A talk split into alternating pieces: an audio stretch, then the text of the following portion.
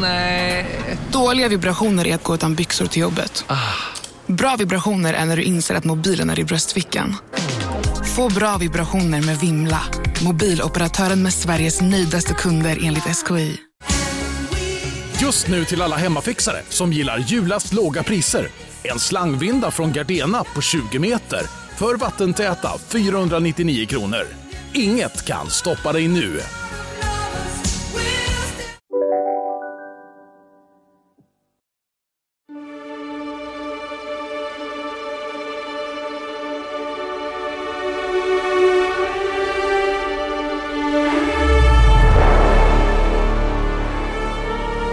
Sven-Göran Eriksson var ett oprövat kort när han kom till IFK Göteborg 79. Han införde en ny spelmodell byggd på zonspel och press med understöd som publik och press kritiserade hårt. Borta var champagnefotbollen. Jag trodde att jag skulle klara den hårda kritik man får när, man, eh, när det går väldigt dåligt. Men eh, framgångarna skulle komma. IFK Göteborg vann för första gången kuppen 1979 efter seger över Åtvidaberg i finalen med 6-1. Säg någonting Glenn. Ja, vad ska jag säga? Fantastiskt. Jag känner mig som en fågel. Som en ängel. Det känns härligt. Underbart. Eindhoven i Holland. Här finns elektronikföretaget Philips, men också fotbollslaget Philips. Glenn Hysén har inte fått spela på sin rätta plats sedan mars förra året. En av Europas bästa mittbackar har förpassats till bänken, reservbänken. Jag tror inte jag har spelat mittback i ligan här sedan i, kan det vara, april förra året. Och spelat dåligt det sista då. det gick ju bra i början, gjorde lite mål och så men Sen så tog det emot och det visste jag att förr eller senare så, så håller ju inte detta. En gång till och det där är suveränt passat men det, dessvärre så missförstår Jonny Ekström och Stefan Pettersson varandra. Men Jonny tar den ändå. Kan hitta Tommy där ute. Och det gör han! Och Tommy Holmgren hittar målet och det är 3-0.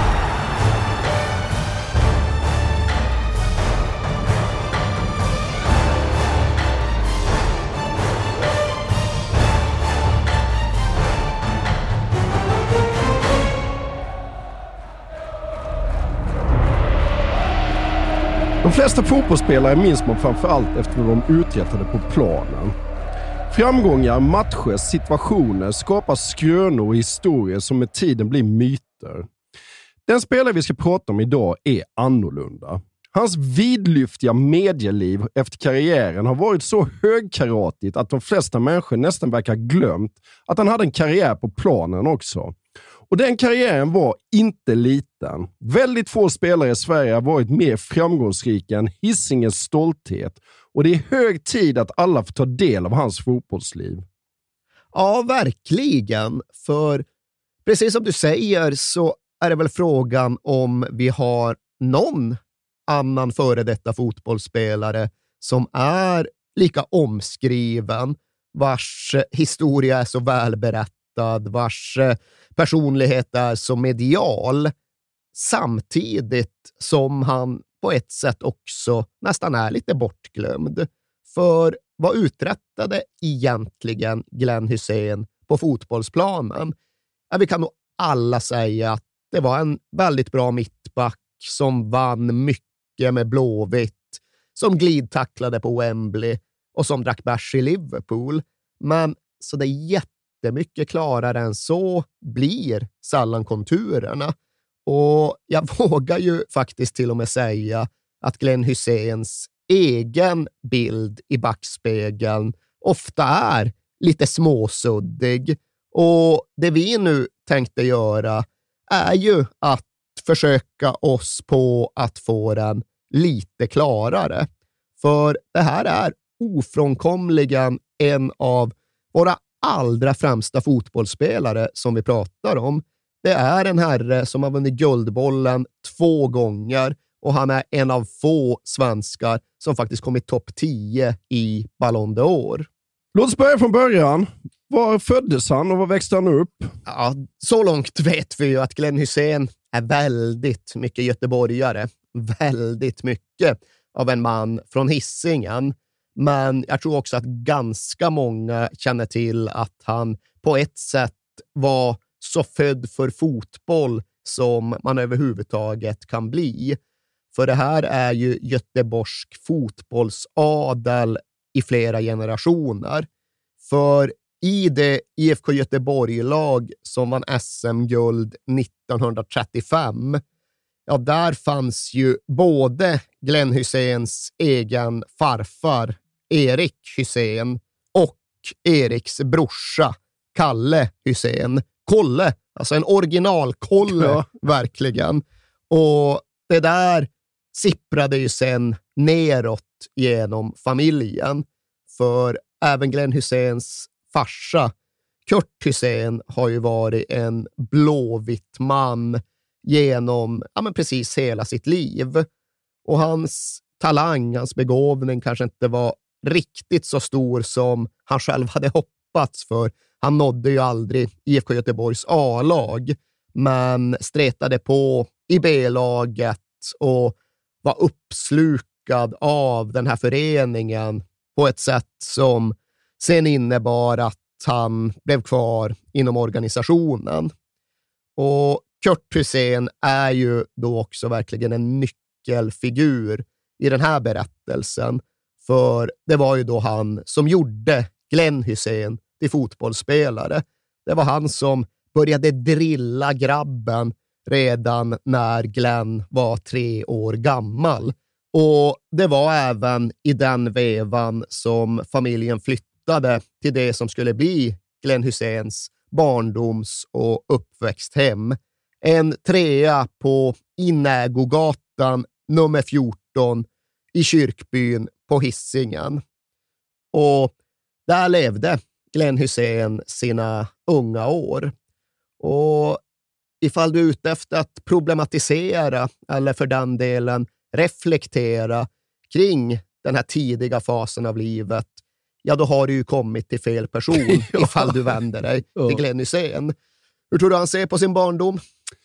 Jag tror, eller jag vet att han ser det som en lycklig barndom. Det var inte rik, men det, var, det fanns väldigt mycket annat som gjorde en glad. Liksom. Jag citerar Glenn själv. En uppväxt utan stor dramatik. Vad jag kan minnas var jag tillfreds med det mesta. Ja. Enda gången det blev dramatik på ett sätt som Glenn kommer ihåg, det var ju när han var äh, en ganska liten grabb. Vissa gånger säger han att han var mellan fem och sex.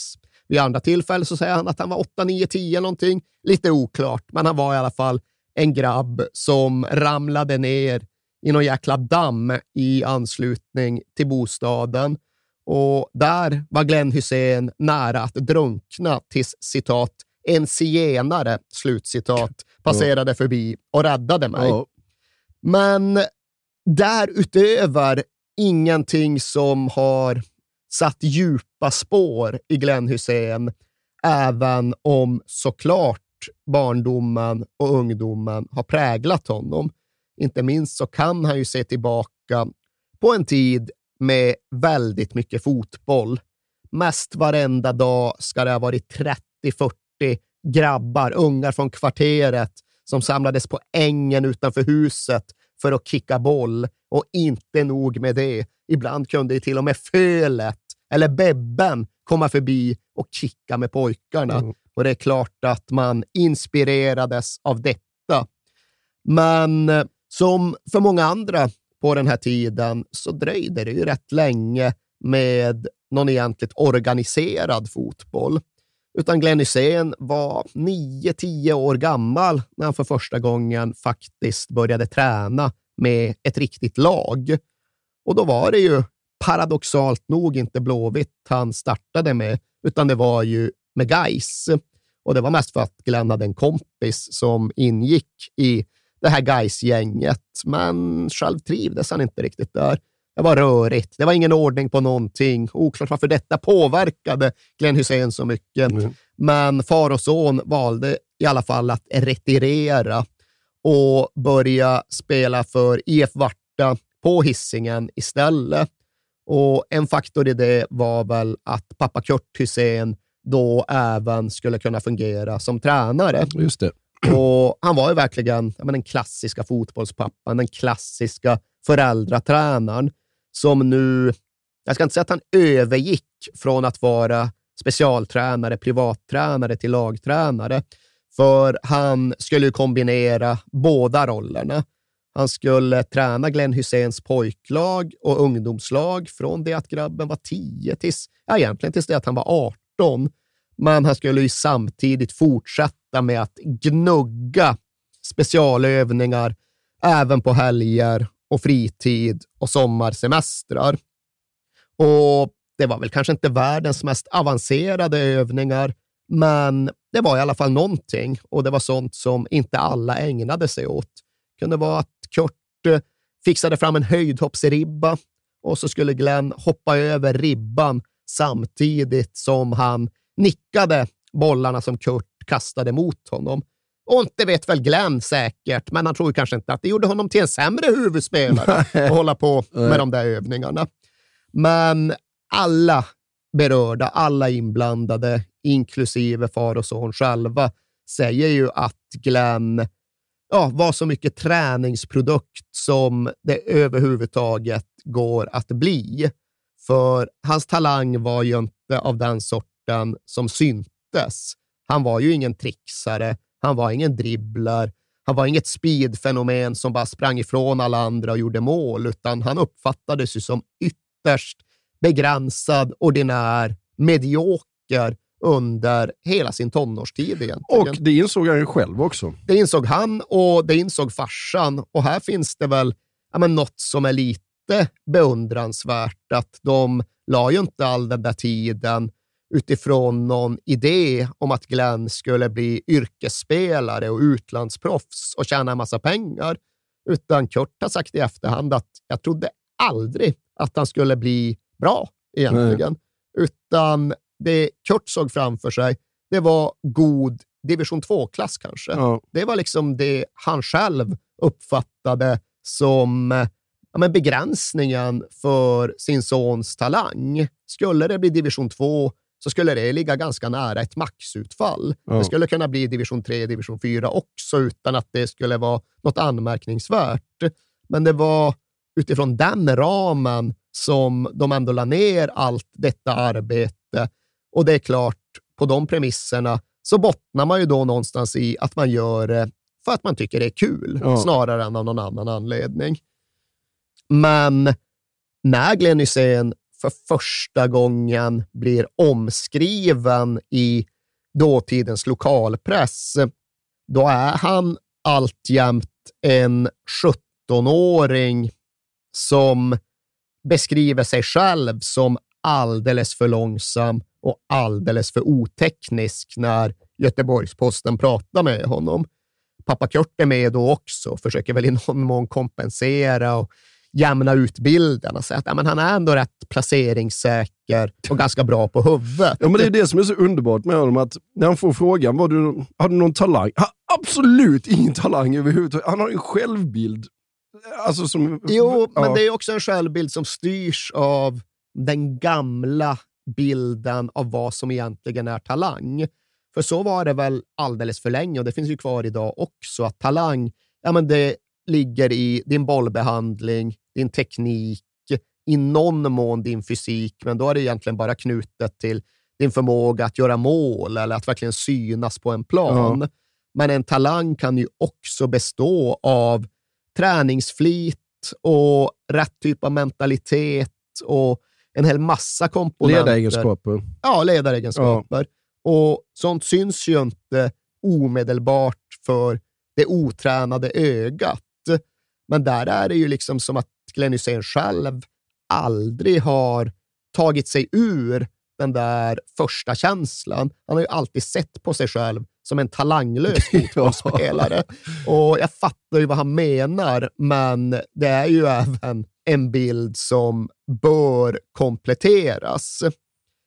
Men ja, anledningen att GP överhuvudtaget uppmärksammar den här 17-åringen 1976, det är väl utifrån det lite egendomliga i att den här grabben, han har ju då inte ens fått debutera för IF Vartas division 4-lag. Det är han inte tillräckligt bra för, Nej. det är liksom alla överens om. Men märkligt nog har han ändå blivit uttagen i en typ av ungdomslandslag, en sorts P17-landslagstrupp. Ja.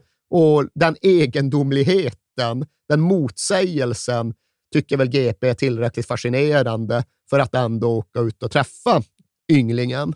Men sen går det ju ännu ett år och liksom 18 år fyllda är då fortfarande inte Glenn Hussein ordinarie i IF Varta. Mm. Okej, Varta har avancerat upp i tredje divisionen, men det går ju sannoliken inte att påstå att Glenn Hussein var någon sorts ungdomsstjärna. Nej. Då har han alltså inte slagit sig in i ett division 3-lag när han ändå har blivit myndig. Han har ju då gått ut gymnasiet och ska ju börja hitta en väg framåt genom livet. Och att fotbollen ska finnas med, det är inget tvivel om, för fotboll är ju så jäkla gött. Liksom. Ja. Men att det ska vara huvudspåret på hans karriärs och yrkesresa, det framstår ju som uteslutet. Glenn Hysén är ju glad och nöjd över att han har fått jobb på Emil Lundgrens El, precis som farsan. Men farsan körde väl mest transportbil där, Ja. om jag fattar saken rätt.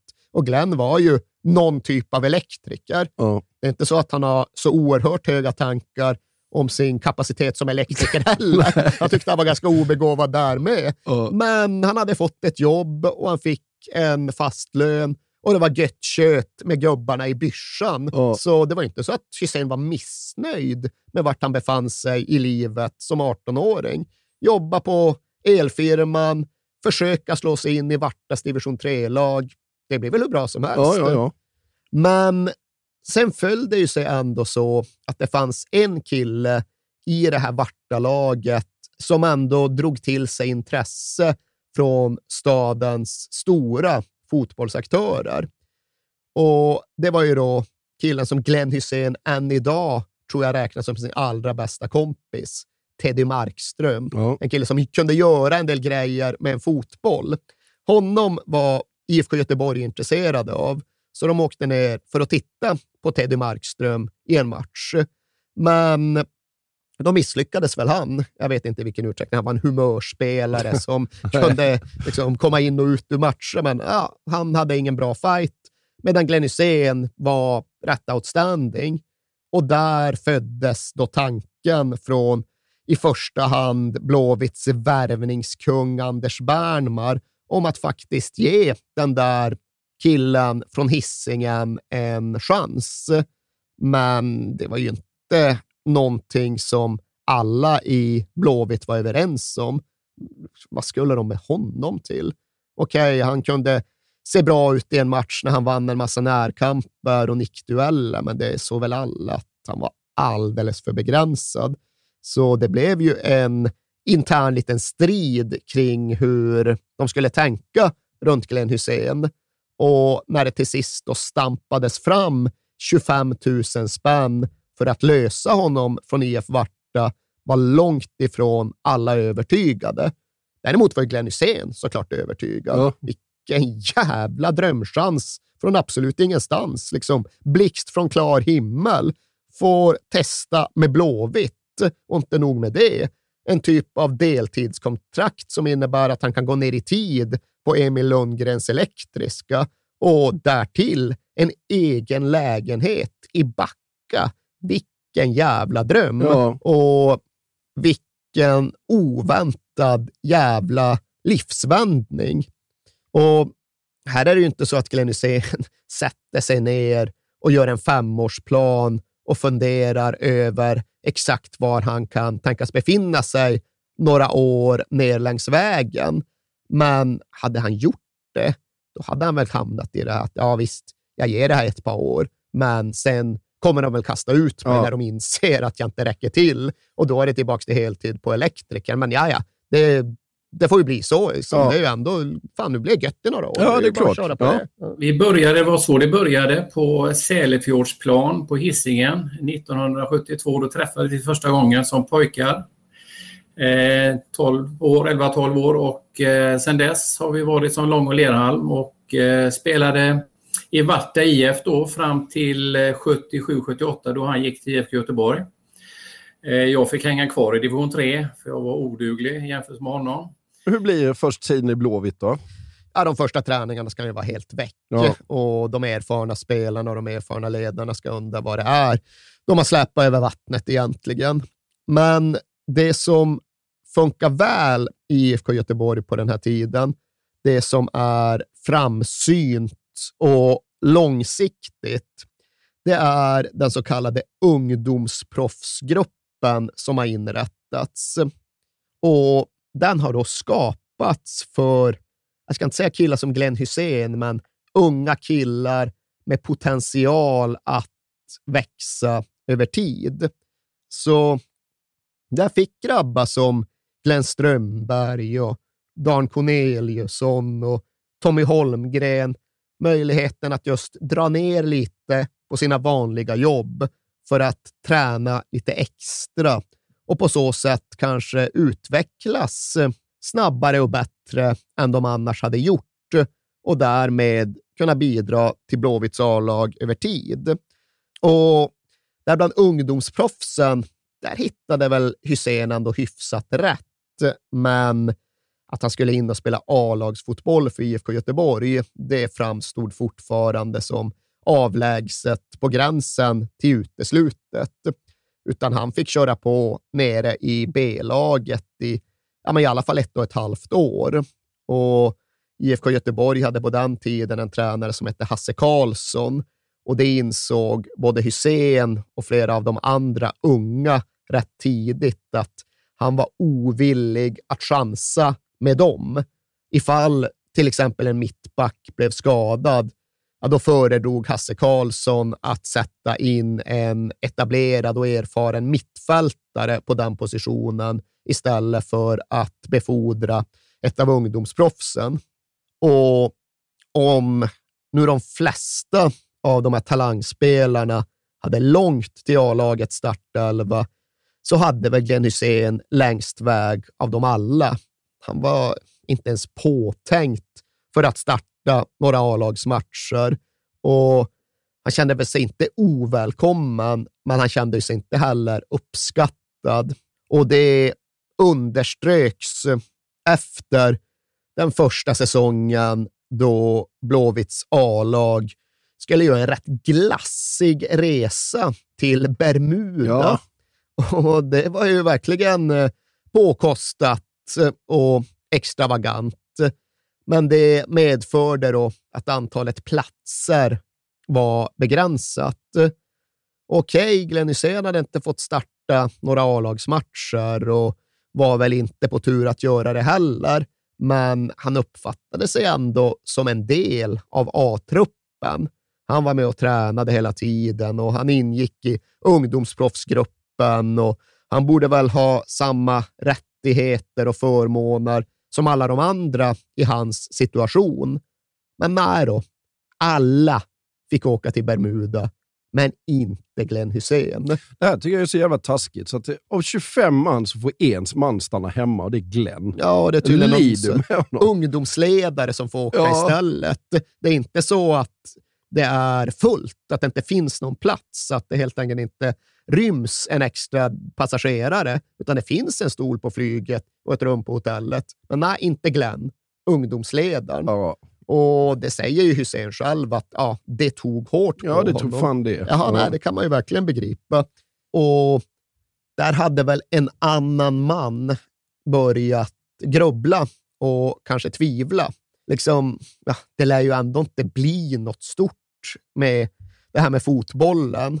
Och ifall det inte heller är gött, ja då kan det väl lika gärna Ja. kvitta. Liksom. Vad fan, eh, hålla på och kämpa och springa och lägga tid man annars hade kunnat lägga hos elektrikern på detta och så blir man behandlad på det här sättet. Ja.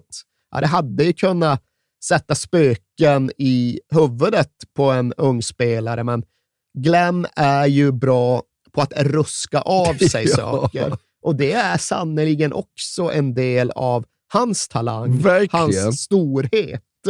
Och precis som med så väldigt mycket annat genom livet så tillät han väl sig själv att vara sårad och besviken i några dagar. Men sen pallar han liksom inte längre. Nej. Går runt och var besviken. Liksom. Nej, det fattar inte Glenn vitsen. Ja, jag måste bita ihop Ja, bita komma ihop igen. och gå Ja. vidare. Och liksom, sen är- går det inte att hålla på och älta grejer och tänka mer på det. Utan han, jag ska inte säga att han bestämde sig för att köra på. Han funkar ju så att när det har gått några dagar, ja, då är det som, det som har hänt har hänt. Det som har varit, det har varit. Ja. Det går inte att liksom påverka det längre. Så då är det bara att titta framåt och då är han rätt nollställd igen. Men sen händer det ju en helt avgörande sak här mellan de allsvenska säsongerna 1978 och 1979. Och det är ju att IFK Göteborg får en ny tränare. Ja, Ugglan Helge kommer som Glenn säger. Ja, som Glenn säger, på karaktäristiskt bildspråk.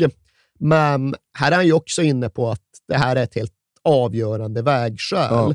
För alltså, vissa fotbollsspelare kan man ju titta på och säga att ja, ja, även om de inte hade haft stolpe in vid det där tillfället så hade det ju blivit bra ändå.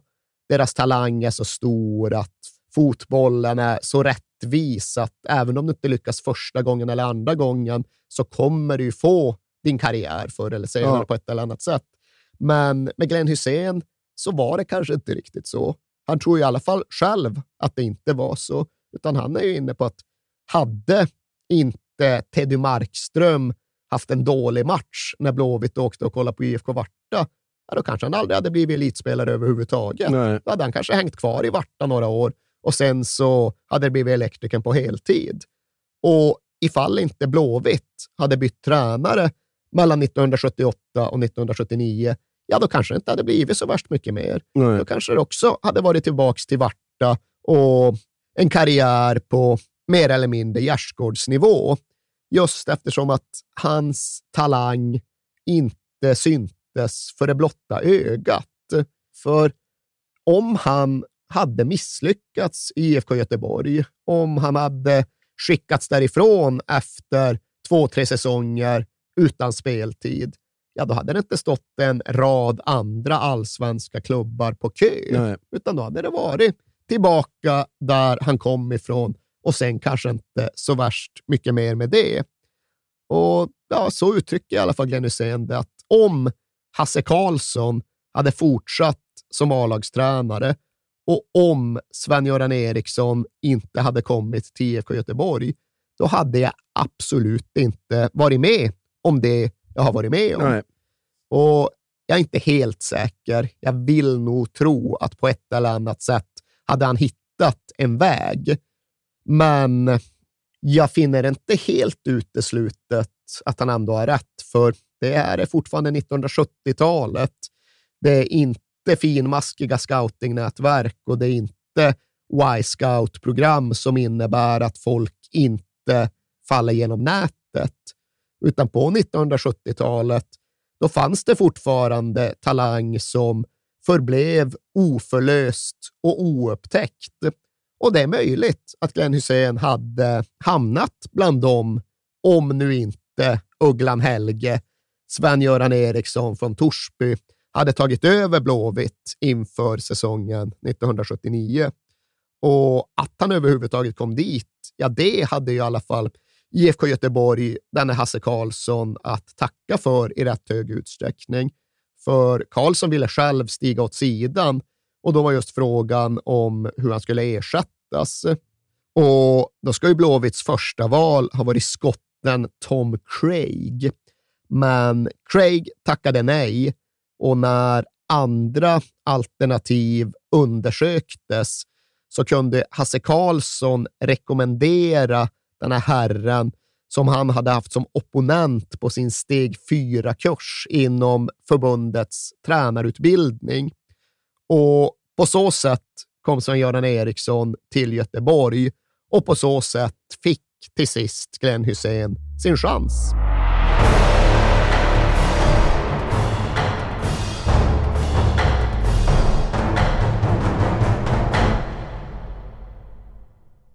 Jag vill inleda med att säga att det är garanterad jackpot på 13 miljoner på Stryktipset. Och fy fasen. Ja, visst. Skulle du behöva 13 miljoner eller? Ja, det skulle jag verkligen. Men vi måste säga först att vi är ju sponsrade av Stryktipset. Ett spel från Svenska Spel, Sport och Casino för dig över 18 år. Yes, och stödlinjen.se finns där för dig om du har problem med ditt spelande. Nej, men 13 miljoner ja. jackpot på Stryktipset, det är ju inte fel. Nej, då är det faktiskt dags att ladda en rejäl rad här känns det mm -hmm. som. Vet du vad som inte heller är fel? Nej. Födelsedagsfirandet och alla härliga mm. historier vi får in. Exakt, mm. för vi är ju mitt inne i Stryktipsets 90-årsfirande som vi firar med att läsa upp fantastiska historier från våra lyssnare. Yes. Som skickar in dem till kings at perfectdaymedia.se. Precis, bomba på nu. Det är åtta månader kvar på det här firandet, så att, eh, vi kör nu. Mycket Stryktipshistorier vill vi ha. Mm. Och i dagens har vi fått från Peter som skriver så här. Hej på er och tack för en helt otrolig podcast. Den har räddat mina veckor i snart fyra år. Tack så mycket Peter. Min historia är ganska färsk, men den om när det vände på stopptid gav kanske inte de största pengarna, men känslan i mig består. Jag spelar ofta för lite mindre pengar på Stryket, följer fotbollen men långt ifrån en nörd. Och allt såg väldigt bra ut senast, förutom på min etta på Manchester United mot Brentford. Mm -hmm. Var ändå väldigt, var ändå väldigt nöjd med hur resten satt. Men på stopptid satte min nya favoritspelare, skotten McTominay, två mål och vändningen fullbordades. 64 rader blev 12 000 kronor. Tack för en bra podd. Det är podd. otroligt. Ja. Tack för en bra historia Peter. Ja, och som man älskar Scott McTominay. Gör man inte det? Ja, det gör man faktiskt. Han liksom kommer in i straffområdet jävligt bra faktiskt. Mm. Vi säger stort tack till våra vänner på Stryktipset. Tack.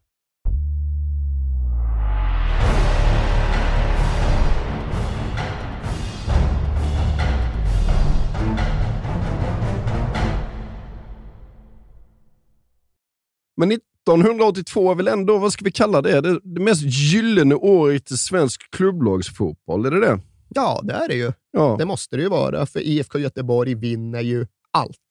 De vinner allsvenskan. De vinner det SM-slutspel som sen följer på allsvenskan. De vinner Svenska cupen och de vinner som bekant även Uefa-cupen. Och det där är väl också en historia som vi kommer att behöva återvända till. Ja. Så vi ska inte gå in i den i någon egentlig detalj. Men det är klart att hela den framgången förstärks ju av hur skarpt läget var in i Uefa Cup-våren. För vi nämnde tidigare att de hade gjort en jäkla satsning 1981. De hade värvat stort och dyrt och ambitiöst och inte riktigt fått resultat för det. Och det ledde då till en ja, men väldigt akut ekonomisk problematik där Blåvitts underskott var jättestort ja. och där konkursen faktiskt hotade och där personen som ansågs huvudansvarig, värvningsbasen Anders Bernmar. En man med stora tankar. Ja, det får vi säga. Ja. Du, om, om och när vi gör Blåvitt 82-avsnittet så kommer du ha mycket roligt åt Anders ja, och hans sätt som att, ja. att agera. Men eh, här uppstår ju då en maktkamp mellan de i styrelsen som menar att det här har skötts oansvarigt och att Bernmar måste bort. Och då mellan Bernmar själv och, ja, ifall vi ska kalla det för hans falang, och de som tyckte att ja, ja, man måste våga lite för att vinna. ja. Och vinnarna skriver som bekant historien, men det är ju inte svårt att förstå sig på de styrelseledamöter som menar att allt har skötts vårdslöst och väldigt illa. Och går det verkligen att acceptera en situation där Bernmar ja, men i grunden har tagit hela föreningen i potten och satsat allt på rätt? Nej ja, det är inte självklart. Och spelarrådet blir såklart indraget i hela den här maktkampen. Glenn Hysén är med i spelarrådet, men det innebär ju inte att han nödvändigtvis har några starka minnesbilder från hur snacket gick. Men klart var ju i alla fall att när Blåvitt åkte ner till Spanien för att möta Valencia i Uefa Cup-kvarten, ja, då stod faktiskt föreningens framtid på spel.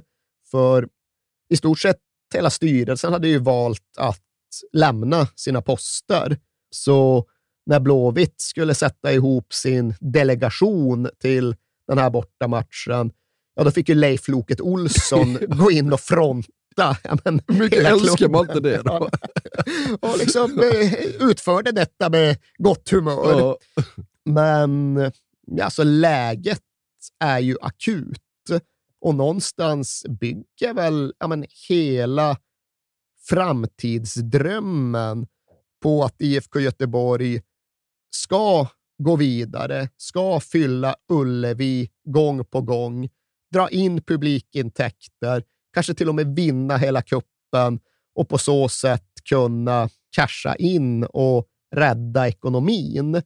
Men det förutsätter ju sportsliga framgångar. Det var inte så att IFK Göteborg åkte ner till Valencia och var några dunderfavoriter, utan de var såklart outsiders. Och knappt hinner den här ödesmatchen ens börja innan Frank Arnesen drar in en frispark i krysset från fan 30 meter. Ja. Och det är ett praktskott, men samtidigt kanske IFK Göteborgs målvakt Thomas Wernersson ser lite passiv ut. Han är drogad va? Hävdar Glenn. Ja. Och, alltså, det är rätt många av Glenns skrönar som är lite yviga och som egentligen behöver både dubbel och trippelkollas. Och just den här skrönan har jag inte riktigt orkat med att försöka syna i sömmarna. Nej. Men klart är väl att Thomas Wernersson har ont in i matchen. I vissa Glenn Hysén-intervjuer så så heter det att det är revbenen han har ont i. Ja. I vissa andra så är det problem med handen efter att han ska ha boxat Glenn Hysén i huvudet. och så som Glenn minns det då, så har han, ja, oavsett var nu smärtan fanns, behövt ta någon typ av smärtlindring in i matchen och den ska då ha feldoserats. Ja, den var tio gånger för stark. Tio gånger Glenn. för stark Ja. och Thomas Wernersson var därigenom helt punschig Ja. egentligen matchen igenom. Och ah, Vi får väl kolla det vid något annat tillfälle. Nej, vi struntar i det. Ja, det går inte att lasta Wernersson för det här första målet i alla fall. Men det är klart att både Anders Bernmar och Leif Loket Olsson lär väl ha hickat till när det blir en sån här mardrömsstart. Men även om Glenn Hussein är ohotat bäst i klassen på att bara fortsätta som om ingenting hade hänt, så var ju det även ett genomgående kännetecken för hela det här Blåvitt-laget. Ja, men för många skickliga fotbollslag, att de klarar av att just spela vidare utan att påverkas av ett baklängesmål eller en nervpress. Och här tar det inte ens tio minuter innan IFK Göteborg bara vänder på matchen. De gör två mål och får till sist med sig ja, men ett fint 2-2-kryss från Spanien att utgå ifrån. Ska Valencia borta i Uefa-cupens kvartsfinal är det som en skakad förening. Mer står på spel än nära. Det här är kanske den viktigaste matchen i klubbens historia. Veckan innan har delar av styrelsen avgått. Föreningen har miljonskulder. Torbjörn Nilsson snappar upp den här chansen. Och så elegant 2-1 till IFK Göteborg. Och utifrån den här starka bortainsatsen kan IFK Göteborg sen börja bygga avancemang och framgång och framtid. För de vinner returen mot Valencia ganska komfortabelt, säkra 2-0, gör tidigt ledningsmål och spelar sen på det. Och det kommer mer än 50 000 Ja, det åskådare otroligt till. Nya Ullevi för att titta på. Och det kommer ännu fler sen när det är dags för semifinalretur mot Kaiserslautern. Fan, jag ser fram emot att vi ska göra det här avsnittet om Blåvitt 82 och få sätta tänderna i Kaiserslautens laguppställning. Ja, men det finns det fog för att göra. Där Ja. har vi både Andreas Breme och Hans-Petter Briegel. Briegel Ja. och då Ronny Hellström Exakt. i mål. Och ja, Det är verkligen inget dåligt Kaiserslautern och det är ju strångt av Blåvitt att ändå få med sig ett 1-1-kryss nerifrån Betzenberg i Kaiserslautern. Och returen blir sen en jäkla pers. Alltså det är riktigt jämnt och det är riktigt ovisst och de där nästan 53 000 åskådarna på Nya Ullevi får verkligen tugga naglar. Och till sist så får vi lov att säga att det är, ja, men det är en skämtstraff ja. som avgör. Det är en jättebillig blåvitt straff i förlängningen som ger Sorseles egen isman Stig Fredriksson möjligheten att avgöra på straff. Och Kaiserslautern har ju som sagt Ronny Hellström i mål. Just det. Det är en panter. Mm. Och han är ju där, han har liksom båda händerna på bollen. Men Fredriksson slog ju sina straffar högt ja. och Hellström lyckas inte hålla emot, utan bollen går i nät. Blåvitt tar ledningen i förlängningen och vinner matchen och når finalen och säkrar ekonomin. Även om finalen ju faktiskt inte blir riktigt riktigt samma publikfest. Nej, vad, vad kommer det sig? Det är så jävla dåligt väder i Göteborg. Jaha. Alltså det är hällregn, det är småstorm och det är då den bedrövliga fotbollsarenan Nya Ullevi ja. som gör ganska många åskådare väldigt oskyddade. Ja. Så det är väl helt enkelt 10 000 som bara kollar ut och kollar väder och bestämmer nej, inte nej. idag. Och, ja, då kanske det är bra att det är 42 000 då. Ja, det är en ganska hög siffra, även om vi som klart kan tycka att är det Uefa Cup-final på hemmaplan, då finns det inget dåligt Nej. väder.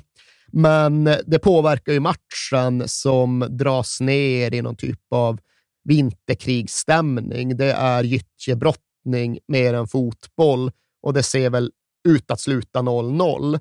Men precis före slutsignalen så har då Glenn Hussein dröjt sig kvar på offensiv tredjedel av någon anledning och kan utifrån den positionen nicka fram Tord Holmgren från Palluornas som kan rulla in segermålet.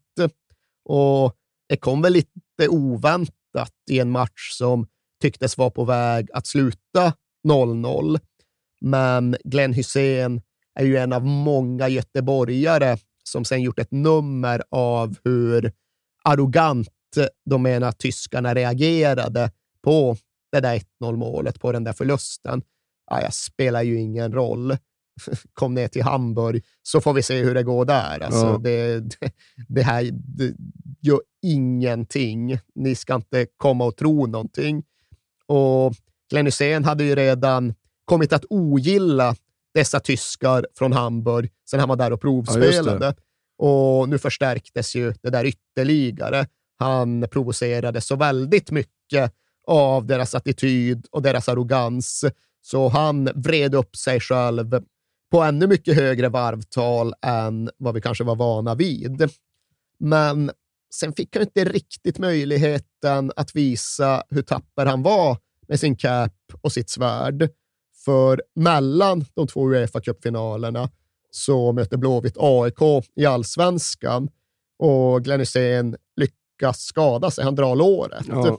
Och egentligen är den skadan så pass allvarlig att han överhuvudtaget inte är aktuell för att spela i returen. Men det örat och den medicinska visdomen tänker inte Glenn Hysén lyssna på. Nej. Här ska han ut och visa tyskar och här ska han därtill spela för hela sin familj, för alla åkte ju ner till Hamburg. Kurt med sin radioapparat och tvillingsyrran Karina med sin helt nyfödda son. Han fick också följa med. Och faktiskt även mamma Elvi, som annars aldrig gick på fotboll just eftersom hon var så nervös för att sonen skulle bli skadad. Nu var de alla på plats och Glenn tänkte inte missa matchen så han såg till att tejpa upp sig från låret till magen och ljög sen inför Sven-Göran Eriksson och sa att han absolut var spelklar. Ja. Och gjorde ett försök, men det höll ju överhuvudtaget inte. Det var väl knappt ens halva första halvlek innan han var tvungen. Ja, 19 minuter. Ja, var ja. tvungen att liksom acceptera, resignera inför att det inte gick. För vad som en kniv i låret behövde egentligen krypa av, menar Glenn Hysén själv. Och det vet jag inte ifall det egentligen vore på sin plats med ett problematiserande av hur han satte sig själv framför laget i det här läget. Nej. Äh, vi kan vara Skit utan det. det, men Ja. det är också en del av liksom hela mytologin här, att när väl Glenn Hussein inte kunde fortsätta, inte kunde fullfölja, ja, då var det bara att sätta in Glenn Schiller. Men vart var Glenn Schiller? Nej, det vet jag inte. Han var inlåst på toaletten Just inne i ja. omklädningsrummet. Ja. För han hade väl inte förutsett att behöva hoppa in efter 20 minuter. Nej. Så han tyckte att han kunde gå gå på toa och så gick dörren i baklås på något sätt. Och när väl Svenny skulle ersätta Glenn Hysén, då fanns det ingen ersättare att hitta. Men ja, ni vet ju alla att det ordnade sig. Att Dan Corneliusson, den historiskt undervärderade Dan Corneliusson, för det är satan vad bra han var på den här tiden. Han dunkade ju in 1-0 på en rätt svår halvvolley. Ja, ja. Och sen springer Torbjörn Nilsson, på ett sätt också historiskt undervärderad, men ändå allmänt erkänd som en av Europas bästa anfallare på den här tiden. Han springer iväg två gånger om och Ja. gör ett mål och fixar en straff. Och Sorseles Isman, Stig Fredriksson, och det, och det är 3-0. Alltså det är en utskåpning ja, ja. i den här finalreturen. Och när den ska firas så blir Glenn Hysén nästan lite förundrad inför sig själv, för ja, det är märkligt. Alltså, som en kniv i låret när jag försökte spela fotboll. Men när jag sen var uppe och dansade på festen efteråt kände jag ingenting. Då var det helt bortglömt, det där med lårskadan.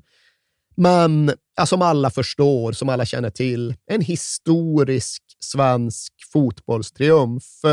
Inramad av att laget sen möts upp av om det är fem eller tio tusen jublande entusiaster på Landvetter när de återvänder. Och det håller alltjämt Hysén som ett av sina varmaste fotbollsminnen. Ja. Och det kvittar vad annat han jämför med. Han gör ju gällande att så roligt han hade och så bra han mådde under de här första åren i Blåvitt, då de kom från ingenstans och erövrade Europa med elektriker och rörläggare och plåtslagare. Ja, men så roligt går det aldrig att ha en andra gång. Det kommer man aldrig få uppleva oavsett vilket. Och det är ju en åsikt som man sen också har stått fast vid. Ah! Kom igen gubbar! Vi som är från Göteborg åker aldrig hem med sorg. Vi som är från Göteborg, hej, hej, hej! Säg någonting Glenn. Ja, vad ska jag säga? Fantastiskt. Jag känner mig som en fågel. Som en ängel. Det känns härligt. Underbart. Och sen slutar det ju som sagt inte där, utan IFK Göteborg gör ju rent hus hemma i Sverige också och tar sig fram till de likaledes klassiska SM-finalerna mot klack och samba-gänget Bayern med Hägersten Hot Heaven på Ja. läktarna och med en premiär av den odödliga läktarsången Alla heter Glenn i Göteborg. Och har du koll på varför alla heter Glenn i Göteborg? Varför alla Ja. heter Glenn? Nej, det vet jag inte. Så det finns ju någon form av sociologisk förklaring, även om den kanske inte riktigt håller genom hela den geografiska analysen. Men på 1950-talet så slog ju ja, men den amerikanska populärkulturen igenom Ah. mer eller mindre globalt. Och då skulle ju svenska söner döpas efter amerikanska filmstjärnor. Ja. Och de skulle få heta Clark efter Clark Gable. Ja. Och sen är bara problemet att de döptes i Västernorrland. Då fick de inte heta Clark, då fick de heta Slark. Än idag väldigt uppskattat. Men eh, det var ju detta som inspirerade samtliga Göteborgs-Glennar. Glenn Hussein fick då heta Glenn efter Glenn Miller, Ja. alltså musikern. Glenn Holm fick heta Glenn efter skådisen Glenn Ford. Och Glenn Schiller fick heta Glenn efter astronauten John Glenn. Ja. Och Glenn Strömberg vet inte riktigt vilken av dessa Glennar han är uppkallad efter, men det är en av dem i alla Men fall. det förklarar ju inte varför alla i Göteborg just Fick heta Glenn. dem. Nej, det, är liksom, det finns en geografisk hålighet i den sociologiska analysen. Ja. Men det är ändå värt att nämna att Glenn Hussein är döpt efter rytmen i blodet-människan Glenn Miller. Ja. För det finns en diskrepans där som ändå roar. Verkligen. Now, latest recording, In the Mood.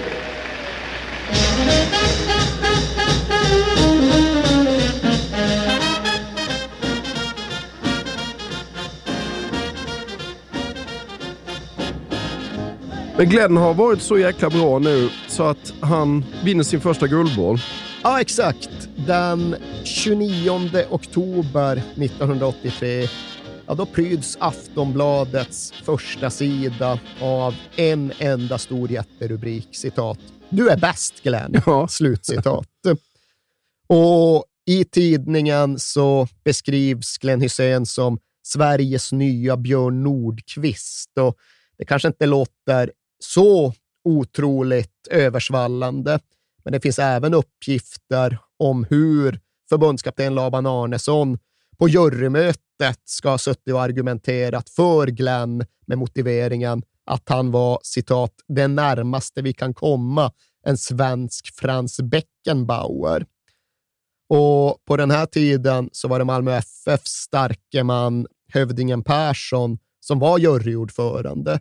Han hade varit juryordförande ända sedan 1946 och tog det arbetet på väldigt stort allvar och var även huvudmannen bakom formulerandet av själva motiveringen som då fick lyda Glenn Hussein har varit årets bästa fotbollsspelare i Sverige.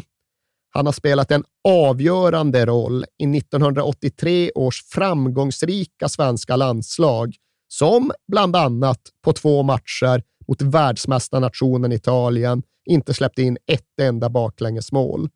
Glenn Hysén har varit den självklara ledargestalten i IFK Göteborg, som nu för andra året i rad avancerat till SM-final. Och genom sin unika kombination av ödmjukhet och ledarbegåvning framstår Glenn Hysén som ett föredöme inom svensk fotboll. Väldigt fin motivering tycker Ja, jag. absolut. Ja. Och här börjar det också tydliggöras hur mycket Glenn Hussein har utvecklats och hur bra han har blivit. För det är verkligen värt att poängtera hur, ja, men hur mycket det är frågan om ett internationellt genombrott här. Okej, han är kvar i allsvenskan, men det var ju inte en sak på 1980-talet. Utan när Glenn Hussein utses till Sveriges bästa fotbollsspelare, då är han också uppe på en nivå där han räknas som en av hela Europas bättre försvarsspelare. Så kan vi uttrycka oss redan så här tidigt. För ungefär samtidigt som han får Guldbollen så får han ju även en rankingposition i Ballon d'Or. Och den är inte jättehög. Han blir 23 Ja. Men samtidigt är det ju den här typen av omröstning som nu som då domineras så extremt mycket av offensiva spelare. Ja. Och tittar man på vilka som ligger framför Hussein på listan så är det egentligen bara två försvarare. Det är Morten Olsen som ofta spelar någon typ av libero och så Erik Scheretz som Ja, är någon typ av mer markerande försvarsspelare. Så ja, Glenn Hysén är redan här, i alla fall i den kontexten, ansedd som Europas tredje bästa försvarsspelare. Och trots allsvenskans ändå goda status så gör ju det det rätt ofrånkomligt att nu börjar ändå det riktiga proffslivet att närma sig väldigt snabbt.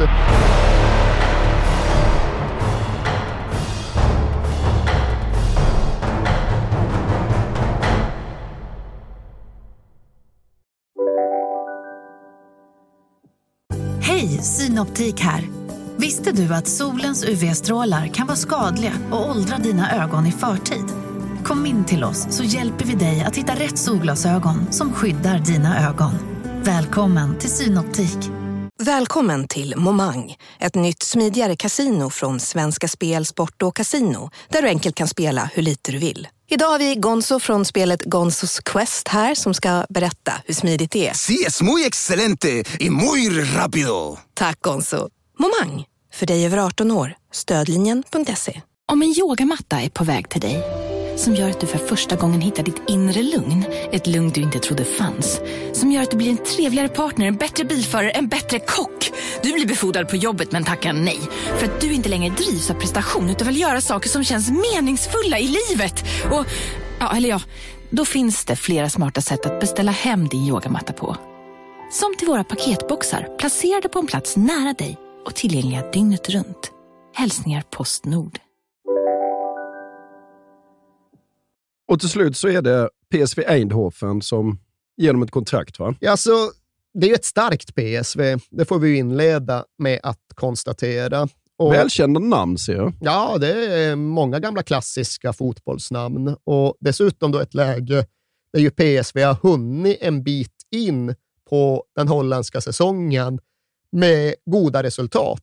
Inte minst då försvarsmässigt. Glenn Hussein kommer till det lag som släppte in allra minst mål i den holländska ligan och kan således inte valsa in i mittförsvaret. Utan han får göra debut mot Go Ahead Eagles borta. Och då inleder han på bänken och får sen hoppa in istället för den skadade mittfältaren Willy van de Kerkhoff med en dryg halvtimme kvar. Och Det kommenterar han omedelbart efteråt med att ah, jag kunde naturligtvis inte säga nej, men alla vet ju att jag är inneback. Ja. Och den här premiären, den blir en riktig plump för PSV, för de tappar en 1-0-ledning till en 2-1-förlust mot då lilla Go Ahead Eagles. Vet du förresten vad GT hade för rubrik? De hängde såklart kvar och bevakade även den här matchen. Nej, jag kan tänka mig att den var lustig. Nej, den var inte så lustig, Nej. men den, var, den valde sida. Rubriken lydde “Det var inte ditt fel, Glenn”. Ja. Och så var det med den saken. Ja. Men just det här med att han fick hoppa in som mittfältare i sin debut, det kan ju sägas ha varit typiskt, för det har ju satt sig en etablerad sanning om vad som egentligen hände för Glenn Hysén i PSV. Och det är såklart han själv som har etablerat, det är ja. han som har satt den här bilden. Och den består ju av att han helt enkelt inte fick spela som mittback. Ja, han spelade som nummer tio, va? Ja, eller, eller i alla fall på mittfältet. Ja. Och det var för att då tränaren Jan Reker ville ha citat mer tryck framåt och att Glenn skulle kunna komma på andra bollar och att han skulle kunna vinna nickskarvar och att han på så sätt helt plötsligt skulle vara en målfarlig spelare. Ja.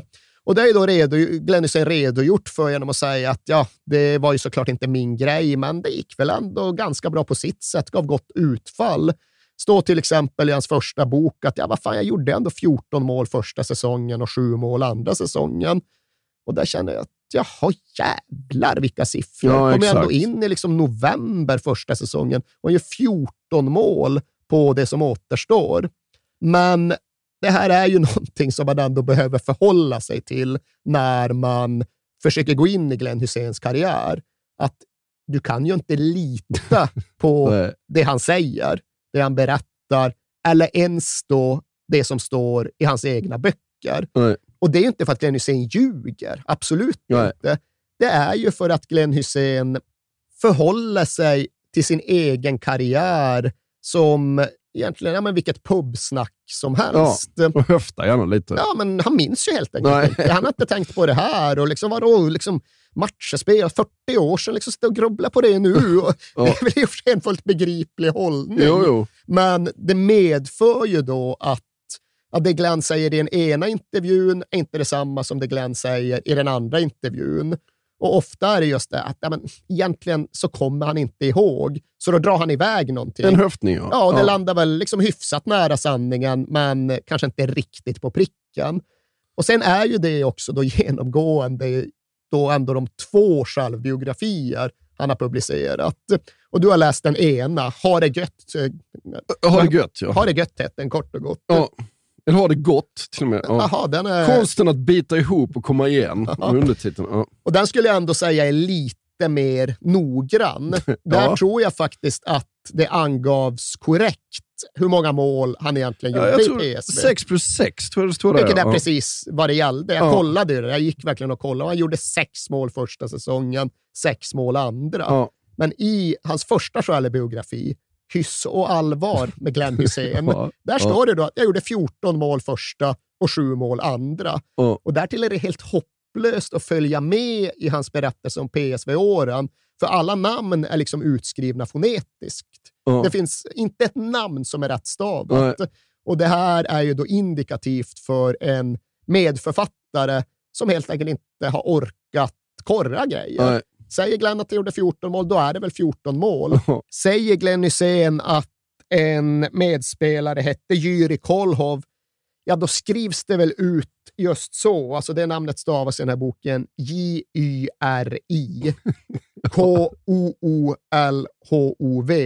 Och han stavar då alltså Jurri, alltså J-U-R-R-I-E och stavar efternamnet med F. Och liksom, det är inte ett holländskt namn Nej. som är rättstavat. Inte ett enda. Nej.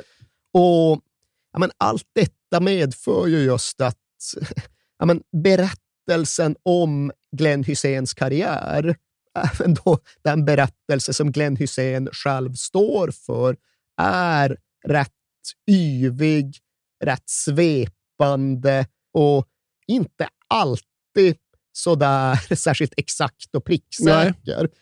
Och jag sa, men PSV Glenn, vad var det där? Ah, men det var ju det där, kom in och fick spela mittfältare. Liksom. Det är klart att det inte är min styrka. Och visst, det är ju en del av det hela. Men efter den där debuten borta mot Go Ahead Eagles, då gör ändå Glenn Hysén 16 raka matcher som ordinarie mittback i PSV. Aha.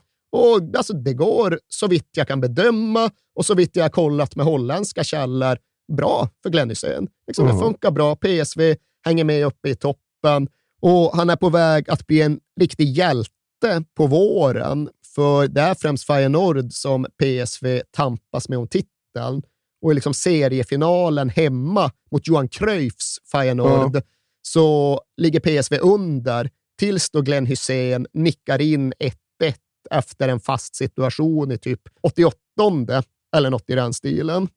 Och sen följer då en ja, men riktigt klassisk titelstrid egentligen hela vägen in. Och Glenn Hysén fortsätter att spela mittback fram till och med en bortamatch mot AZ Alkmaar i slutet av april då tre omgångar återstår av den holländska ligan. Och då faller PSV med 3-0 och försvarsspelet funkar inte. Ser väl lite långsamt och trögt ut och efter det så väljer då tränaren att göra en förändring. Dels för att han vill ha en annan liksom, komposition i försvaret. Han vill liksom ha andra egenskaper som kompletterar varandra på ett annat sätt. Men visst, sen även då utifrån ja, men inställningen att han vill ha Glenn Hysén på plan. Ja. Det är inte så att han vill liksom kicka iväg Glenn Hysén, utan han vill ändå ha kvar honom på planen. För det är klart att hans egenskaper bidrar. Och då föds väl den här idén med att det kanske går att ha honom i någon typ av mittfältsroll, för just komma på andra bollar, Ja. för att hjälpa till när motståndarna kickar långt på insparkar och så. Och Det innebär att även om ligan är förlorad så avslutar PSV den här säsongen med två segrar. Och innermittfältaren Glenn Hysén gör tre mål på de två matcherna. Ja. Men sen när nästkommande säsong börjar, ja men då är Glenn Hysén mittback igen. Han får starta och spela mittback sju första matcherna på den säsongen. Ja. Men ja, sen är det ju det här med Hysén-matrixen som det alltid går att återvända till med tydligt utfall. För vad behöver egentligen Glenn Hysén för att verkligen prestera på topp som fotbollsspelare? Han behöver ett gött kött. Ja, Han behöver två spela mittback i ett zonförsvar. Och PSV var väl lite, ja, men lite Laban Arnessonska i att de var lite mittemellan. Ibland var det libero i vissa matcher. Ja. Ibland var det två mittbackar. Ibland skulle det vara markeringsspel. Ibland var det zonförsvar. Det var någon typ av blandvariant där Glenn Hysén aldrig riktigt kom till sin rätt fullt ut. Men det går inte att hävda att han aldrig fick chansen som mittback nere i Holland. För egentligen hela det första året är han ordinarie som mittback. Ja.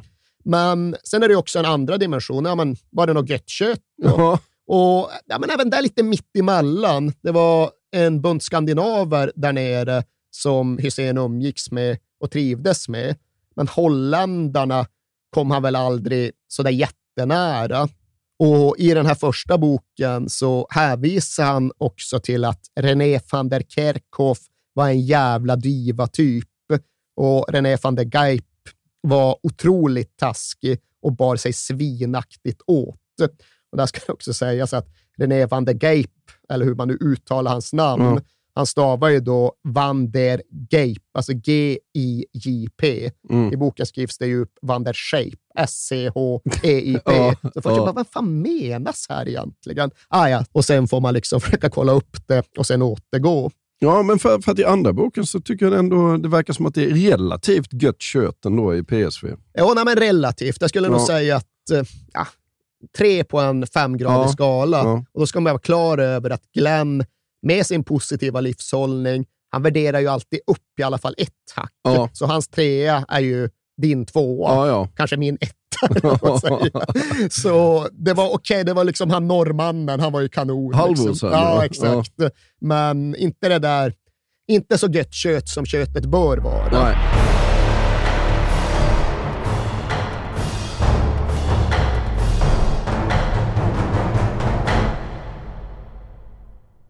Han var nere i en liten downperiod här, men det var väl ändå rätt gött kött på Kamratgården va? Det var ju gött kött på Kamratgården och mer än så behövs ju inte för Glenn Hyséns mentala process. Nej.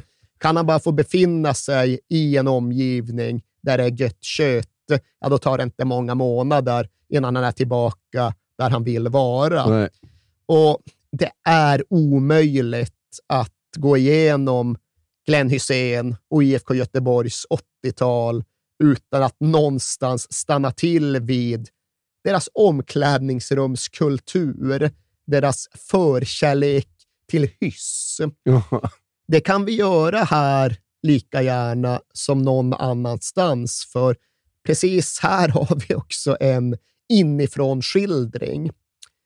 IFK Göteborg åkte till Gran Canaria på träningsläger i januari 1986 och Kjell-Ove Andersson, KOA, legendarisk göteborgsk sportjournalist, är då med på lägret och lämnar en, en dallrande rapport.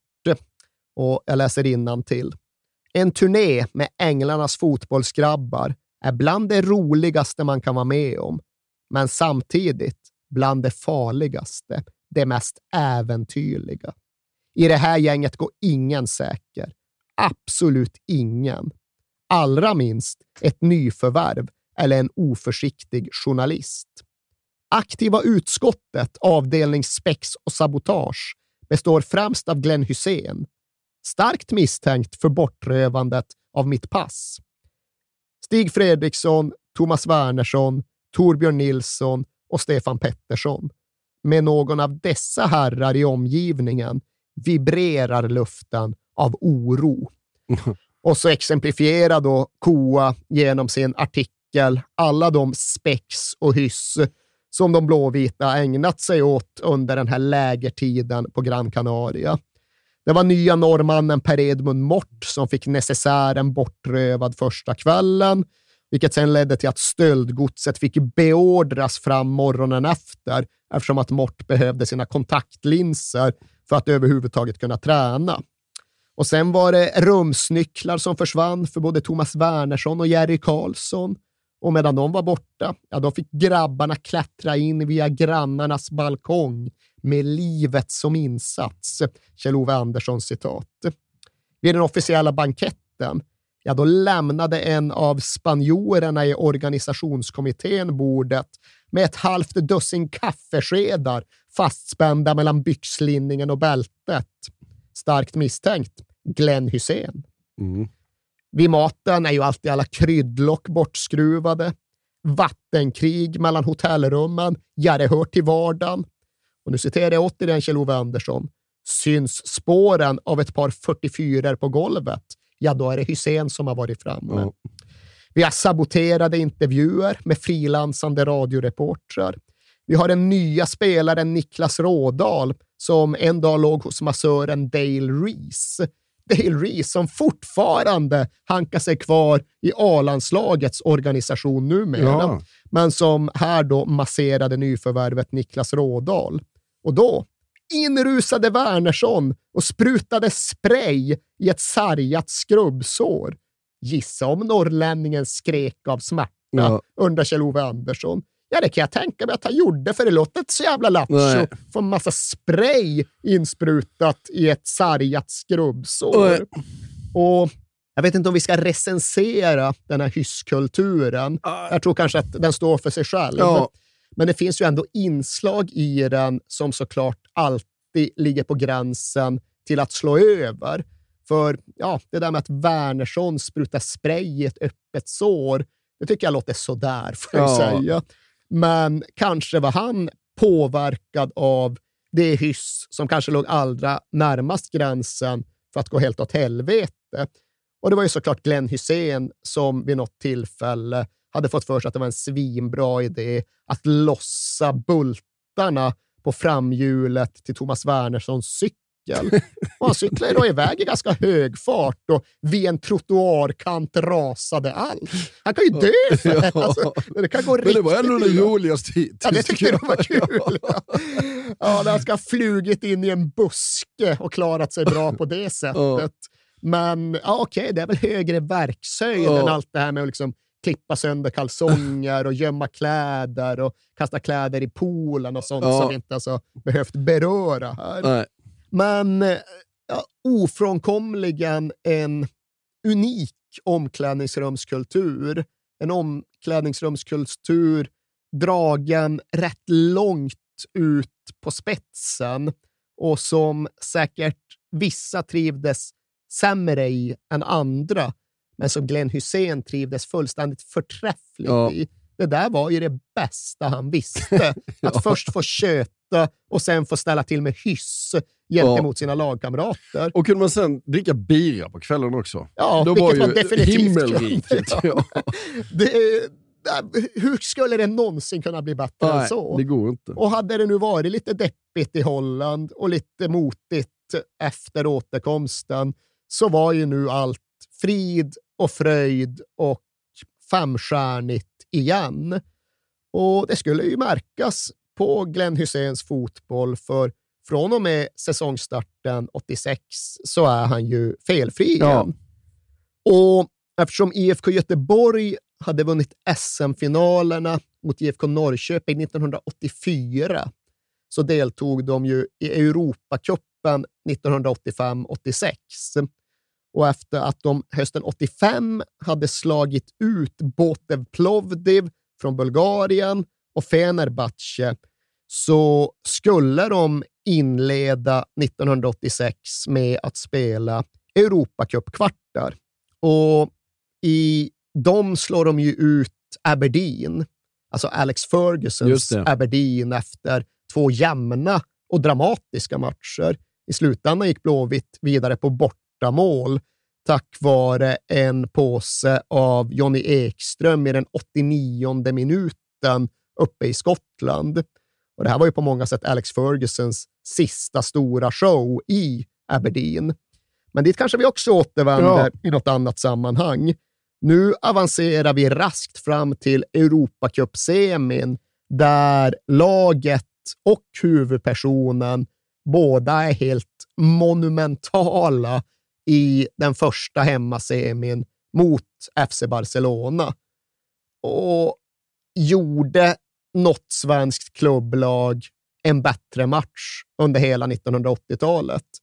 Har ett svenskt klubblag någonsin gjort en bättre match än den Blåvitt gör mot Barcelona Nej. hemma? Förmodligen är väl svaret nej. Nej. För IFK Göteborg vinner med 3-0 och betyget 5 på Glenn Hussein i GT, ja det är rätt solklart. Ja. Hög högre Hussein lyder rubriken och texten inleds helt enkelt “Välkommen tillbaka Glenn Hussein”. Ja. Han hävdar ju, i alla fall i någon intervju, att detta är den bästa matchen han någonsin gjorde. hävdar han alltjämt. Jag Ja. pratade med honom Alltså, bara, gör det? Ja, bara häromdagen och då var det ändå en av de sakerna han tryckte på. Att ja, Visst, det var den där matchen mot Italien och den var jättebra. Och sen då England på Wembley som alla alltid tjatar om. Ja. Men nej, Barcelona hemma på Ullevi i Europacupen. Den bästa match jag någonsin gjort. till. Och det där är suveränt passat, men det, dessvärre så missförstår Johnny Ekström och Stefan Pettersson varandra. Men Johnny tar den ändå. Kan hitta Tommy där ute. Och det gör han! Och Tommy Holmgren hittar målet. Och det är 3-0. Ja, där gick bollen Göteborgskamraternas väg. Ja, men det är en fin aktion utav John Ekström. Det är fantastiskt starkt att behålla den. Han är på väg med två man och rycker förbi där och så kommer Tommy utanför där och lyckas peta in den förbi målvakten. Det är en mycket fin aktion utav John Ekström där innan. Det går att förstå. Det går samtidigt också att ifrågasätta. För när IFK Göteborg leder med 3-0 och det bara är några minuter kvar, då kommer ju Hysén helt fel på en harmlös höjdboll som singlar ner mot Blåvitts straffområde.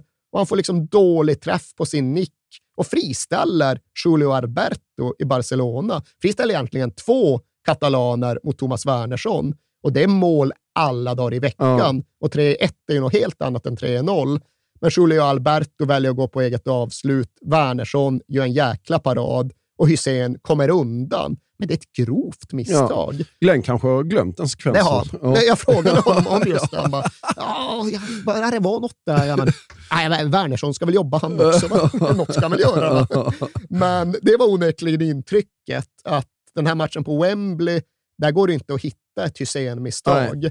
Men någonstans har det väl tjatat så mycket om den att Hysén själv har blivit lite trött på den. Då vill han ha något annat att prata om, att nämna och då drar han fram den här. Men då förmodligen utifrån en situation där han har glömt att han själv var på väg att kosta laget det enormt fina utgångsläget. Ja, hur som helst så var han ju i superform. Han var tillbaka. Han var Och- tillbaka, kanske bättre än någonsin. Sen missade han ju returen. Ja, och alltså efter 3-0 mot Barcelona i hemmasemin, då framstår ju inte IFK Göteborg som favorit att gå till final. Då framstår IFK Göteborg som favorit till att bli Europamästare. Ganska klara favoriter. För de hade ju etablerat sig på hög europeisk nivå sedan 1982. Och i den andra semifinalen så möttes Anderlecht och Stoja Bukarest. Och det var inga dåliga lag, Nej. men Blåvitt hade varit favoriter mot de båda. Men förutsättningarna förändrades ganska dramatiskt då Glenn Hussein insjuknade med vattkoppor några få dagar före returen. Själv säger han fortfarande vattenkoppor. till. Men han hade då fått sina vattenkoppor efter att ha lekt lite väl närgånget med Tommy Holmgrens lilla son några dagar före returen. Och till saken hör att IFK Göteborg inte riktigt hade någon självklar ersättare. Det fanns liksom ingenting de kunde plocka in som ens kom i närheten. Och Det innebar då att de fick liksom aktivera en krisplan som inte fanns. För Ruben Svensson, stöttepelaren Röde Ruben, han hade lämnat Blåvitt för att varva ner i Västra Frölunda och kunna lägga mer fokus på sitt jobb som fritidsledare. Mm. Men den övergången var tydligen inte helt färdigregistrerad. Så istället för att skriva på de sista pappren och skicka in till förbundet så kunde de avvakta med det och låta Ruben Svensson återvända till IFK Göteborg, en förening han egentligen redan hade lämnat. Och han var liksom inskriven för att spela mot Kalmar AIK under de här dagarna. Men nu blev det inte Kalmar AIK, nu är det Barcelona på Camp Nou istället. Ja. Och alla uppskattade Ruben Svenssons ansträngning, men den här defensiva stadgan som hade återvänt med Glenn Hussein, den var ju försvunnen. Ja. Den annars så pålitliga mittbackskumpanen Peter Larsson gör en rätt grov miss före Barcelonas 1-0-mål. Och i Sveriges Television ojar sig kommentatorn Bosse Hansson. Glenn, Glenn, Glenn. Du skulle behövas. Ja. Men Glenn var ju inte på Camp Nou Glenn var överhuvudtaget inte i Katalonien, utan Glenn satt hemma på Mejerigatan i Kallebäck och följde matchen på tv. Och det är klart att Glenn följde den inte ensam, utan GTs reportrar var såklart där ja. med honom och rapporterade att när Blåvitt sprang in på planen, då satt Glenn Hysén framför tvn med öl, räkor, kex, ost, godis och prickar över hela kroppen. och sen finns det även här liksom en minut för minut-rapportering om Glenns reaktioner. Men den är inte lika underhållande som den från landslagskvällen i Prag, utan det är mest att ja, i halvlek tar Glenn av sig träningsoverallsjackan och sitter i en T-tröja. Ja. Då hävdar han att ah, nu är nog min feber uppe i 43, minst. Ja. Det finns ju för en bra bildsvit som visar liksom Glenn under kvällen.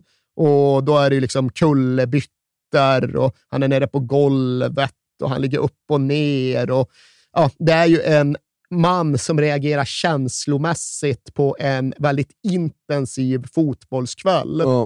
Och det är ju en jäkla klassiker. Ni vet ju, det är 3-0 till Barcelona, men Blåvitt har ett tveksamt bortdömt mål och det är straffar och Torbjörn Nilsson vill inte slå. Och istället är det en ung Roland Nilsson och en ung Per Edmund Mort som får gå fram och som missar. Och så är det 120 000 på Camp Nou som får jubla samtidigt som en ensam göteborgare sitter på Mejerigatan i Kallebäck och tar in vad som har hänt.